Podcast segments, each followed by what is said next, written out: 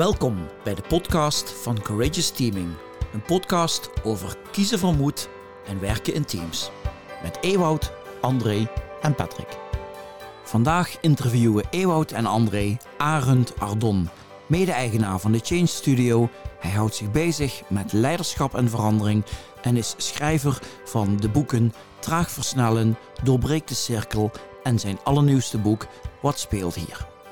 We hebben elkaar ontmoet tijdens de opleiding Executive Team Coaching aan de VU, waar Ja. ik docent was. Als ik door één ding echt geraakt was, dan was het eigenlijk door de eenvoud van eh, jouw gedachtegoed. Hoe praktisch en eenvoudig je de patronen in kaart bracht. En eh, ik merk als wij daar met klanten mee werken, dat dat ook voor een heel... Ja, we zeiden het net, ze helpt om soms te begrijpen waarom het gaat zoals het gaat en zich daar dan ook anders toe te kunnen verhouden.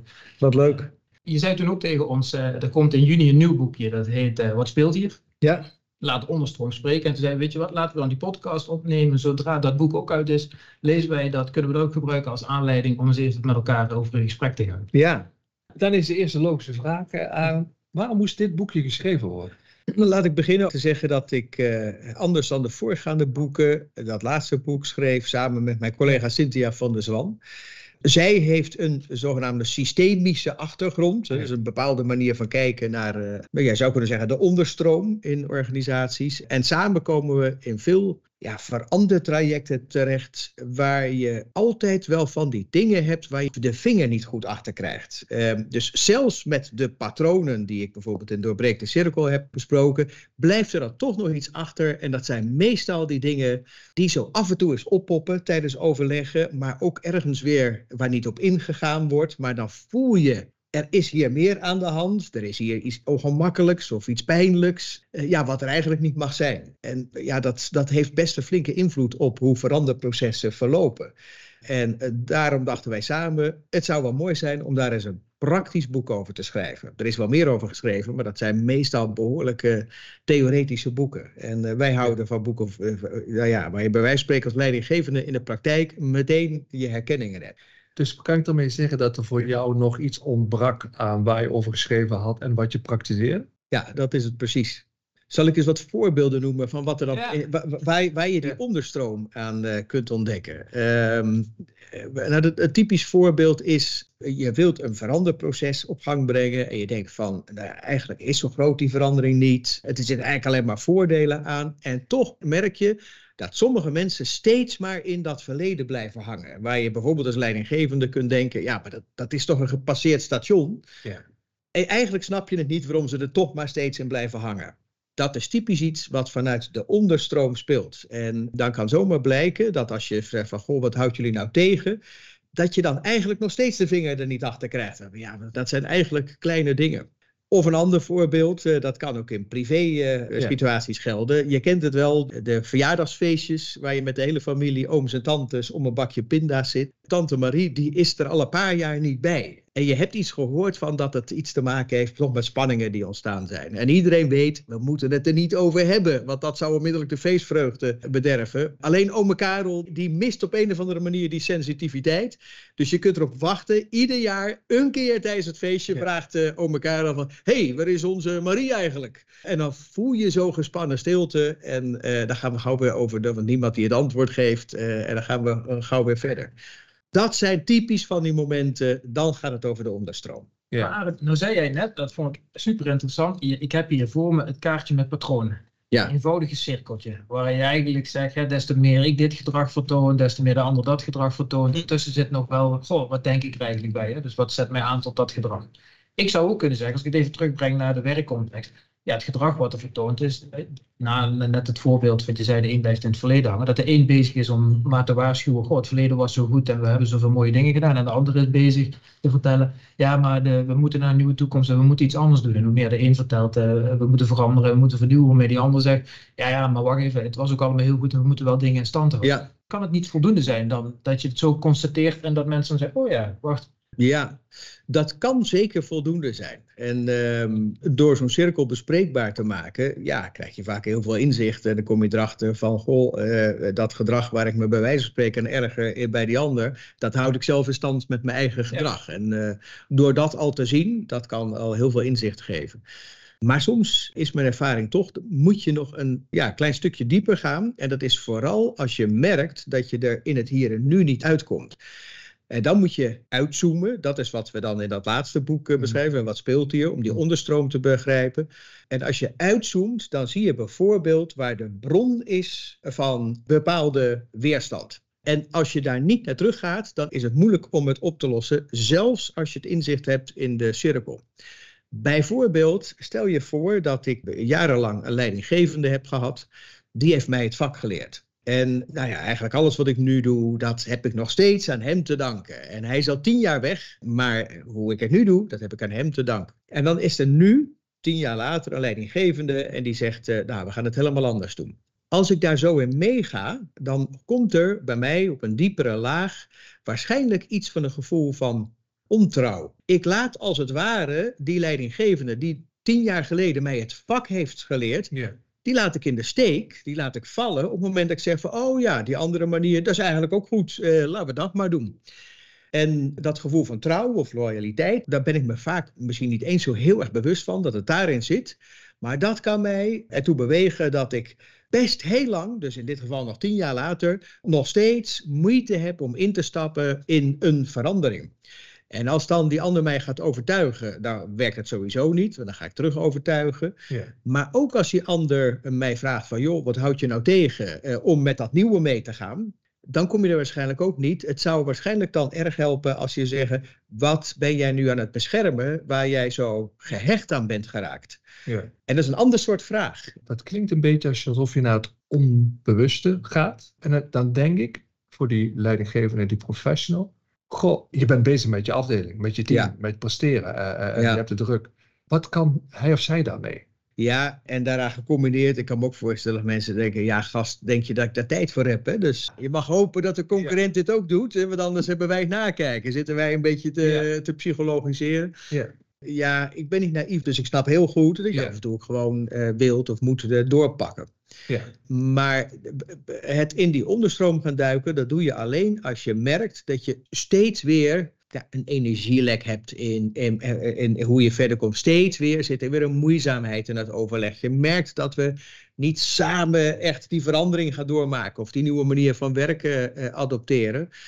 Je merkt dat je misschien steeds uit verbinding raakt. Hè? Je, van ja, ik, ik heb het gevoel dat ik voor ze uit ga hollen, terwijl ik misschien niet eens zo ongelooflijk snel ga. Ja, dan kun je zeggen, eh, ik heb er geen tijd voor. Maar dan blijf je misschien wel, echt ook letterlijk tot in lengte der jaren, kan dit vanuit de onderstroom blijven spelen. Ja.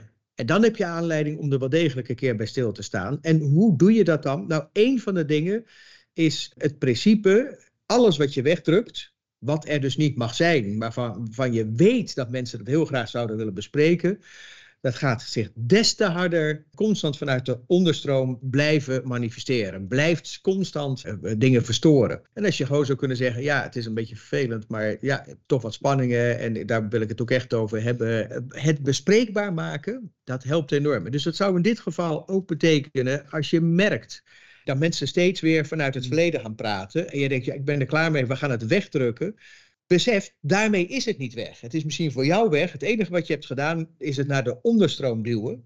En dan komt het uh, op iedere keer subtiel, komt het vanzelf weer terug.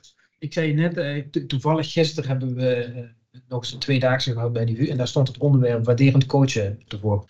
En een van de uitgangspunten daar is eigenlijk het, de welbekende uitspraak, dat wat je aandacht geeft groeit. Dus toen ik dat boek las van jou, dan hoor ik aan de ene kant, dan hoorden we van, goh, dat wat je wegduwt, blijft schreeuwen op invloed. Ja. En aan de andere kant zegt iemand, ja, dat wat je aandacht geeft, eh, groeit. Ja, dat is ingewikkeld, hè? Die twee lijken elkaar tegen te spreken. Ja, ja. samenbrengen. Nou, ik zou je heel eerlijk zeggen, precies dit punt hebben Cynthia en ik ook echt heel expliciet hebben zitten, ja. zitten Hoe zit dat nou? En eigenlijk op basis van, eh, nou, dit boek ben ik er steeds bij achter gekomen dat als het gaat over wat mensen nog bezighoudt, bijvoorbeeld vanuit het verleden, ben ik het er niet mee eens met dat alles wat je aandacht geeft, dat, dat groeit. Want alsof het weg is als je het geen aandacht geeft. Het punt is, het is er al. Dus het is niet zo dat, je, dat het nou ja, ontstaat omdat je er aandacht aan geeft. Het is er al. En eh, dan gaat het erover, kijk ik ernaar of doe ik net alsof het er niet is? En als je voor het laatste kiest, en dat doen we best vaak hoor, kom ik steeds meer achter in, in, in teams en organisaties, dat er allerlei dingen eigenlijk niet mogen zijn ja, daarmee is het niet weg. En je, je, hebt het verderop in je boek dan ook over, het gaat soms om waarden vanuit het verleden en het gaat over waarden die je in de toekomst nodig hebt bij verandering. Ja. In het verleden was leidend principe A, ja. en in de toekomst wordt leidend principe veel meer ja. uh, innovatie uh, vanuit onszelf. Ja.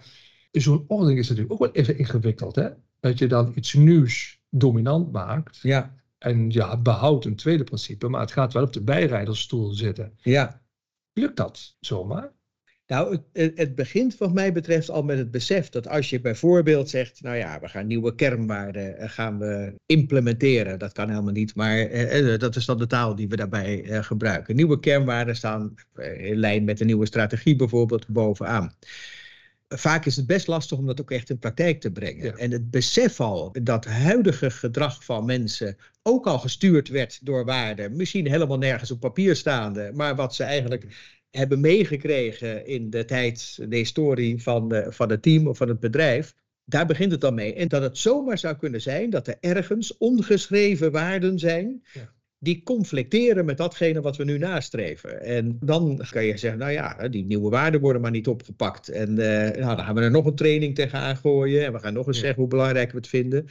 Maar dat volstaat niet op het moment dat er concurrerende waarden zijn. En uh, dan kan het enorm helpen om te gaan kijken, wat zijn eigenlijk hier de ongeschreven waarden waar we ons door laten sturen? En, en, en wat wij wel eens een oefening doen, is dat we dat zelfs in de geschiedenis plaatsen. Dat je met je team mm. zegt van, nou ja, wie, wie zijn er, eh, weet ik, 15 jaar geleden al begonnen? Nou, dat zijn er drie. En wie zijn er 10 jaar begonnen? Nou, dat zijn er nog twee. En zo krijg je groepjes. En dat je de vraag stelt, in die tijd dat jij begon, wat waren toen de belangrijkste dingen van hoe je je hoorde te gedragen? En door dat zo in de geschiedenis met elkaar heel expliciet te maken, dan kun je ook heel goed zien dat sommige waarden die bleven constant steeds hetzelfde. Hmm. Die zijn kennelijk zo'n onderdeel geworden, misschien omdat zelfs de oprichter ze al heeft voorgeleefd.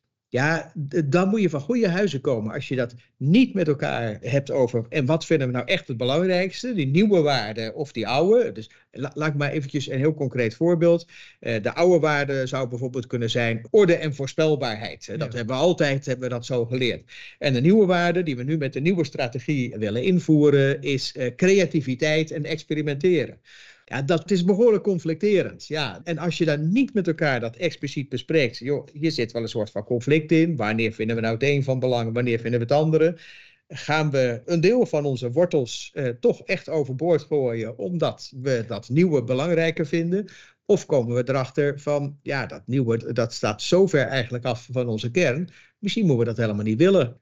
Ja. En dan is het helemaal niet makkelijk. Maar, maar er zijn weinig dingen die makkelijk zijn in veranderprocessen. Ja, ja, dus dat hoort er een beetje bij. Dat is één ding wat ik even nog voor mezelf zou willen toetsen. En ook, ook voor de luisteraar. Dat is, naast me liggen drie boeken. Ja. Vraag versnellen, doorbreekt de cirkel en uh, wat speelt hier.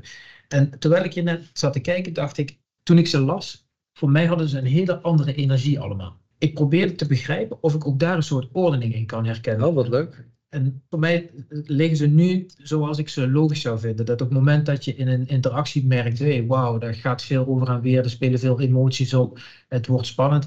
Ja, dan is toch het moment, durf je even te vertragen. Jij zet het in, uh, eerder ook aan jezelf eens even op de foto te zetten en elkaar.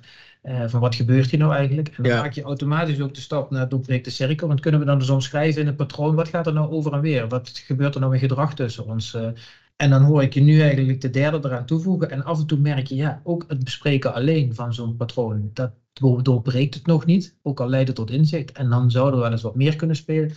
En dan uh, zou je een duikende onderstroom kunnen nemen door eens te kijken naar, door de bril van die drie. Ja, dankjewel voor deze mooie ordening. ja, heel fijn, uh, Ewout. Ja, zo klopt het volgens mij wel, zoals je het nu zegt. Dat is wel de ordening uh, die erin zit. Nou ja, wat ik nou bijvoorbeeld weer van het laatste boek uh, erg heb geleerd, is als het gaat over die, die ordening, dat gaat ook over plekken waar je, mm. waar je staat, ook als uh, consultant. En dat op het moment dat je op de verkeerde plek gaat staan, dat dat vaak tot heel ingewikkelde buikpijn vergrotende situaties leidt. Waar je zomaar terecht kan komen is eh, op een positie, op de plek die eigenlijk hoort bij de leidinggevende. Mm. Bijvoorbeeld, ja, dan kan ik mezelf opeens terugvinden met, uh, met een, een team middenmanagers die dan zegt, die kernwaarden, ja, die, die, uh, die zien we eigenlijk helemaal niet zitten. Want daar hebben we nooit een fatsoenlijk gesprek over gehad met de directie. Uh, die directie die heeft ze uh, ook maar een beetje over de, over de schutting geflikkerd. Maar die directie is er dan niet. En dan kan zomaar de situatie ontstaan dat ik mezelf terugvind. Dat ik eigenlijk op de plek die de directie niet heeft ingenomen, dat ik op die plek ga staan die eigenlijk vakant is geworden. Die niet door de directie wordt ingenomen. Dat zuigt ook iemand anders gaat daar dan vaak staan. En als consultant kan het voor mij in ieder geval heel verleidelijk zijn om daar te gaan staan. Want ik identificeer me dan wel een beetje met, met die directie. En uh, ik heb het er met hen wel over gehad. Ik dacht van, oh, dat, dat regel ik wel even voor ze. Hè. Dan ja. ga ik het wel eens even namens hen uitleggen ja. aan uh, dat middelmanagement. Ja. Dat werkt niet, want zij voelen dat het ja, eigenlijk niet mijn plek is. Dus zij kennen dan die taal waarschijnlijk er niet bij, maar ze voelen het klopt niet. Dus wat er gebeurt is dat zij eerst als ze niet overtuigd raken, we komen niet goed in verbinding of raken uit verbinding. Vervolgens loop je ook nog de kans, dat had ik laatst een keer, dat zij dan naast mij ook op de plek van de directie komen staan. En zeggen we, ja, maar die hele kernwaarden die deugen ook helemaal niet. En uh, trouwens, uh, we moeten het sowieso ook eens over de strategie met elkaar hebben, want die deugt ook niet.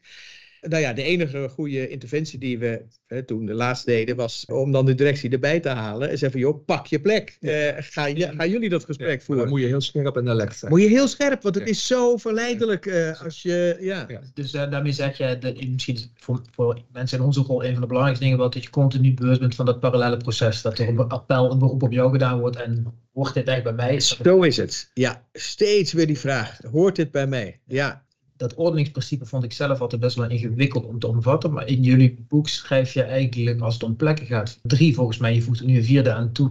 Een manier om daarnaar te kijken. Hè. Soms is een plek vakant, zoals je nu zegt. Ja. Nou, dan moet je opletten van, goh, is, is er dan mee om daarin te stappen? Of is het nou net, moet ik de groep helpen om die plek in te vullen? Hè, ja.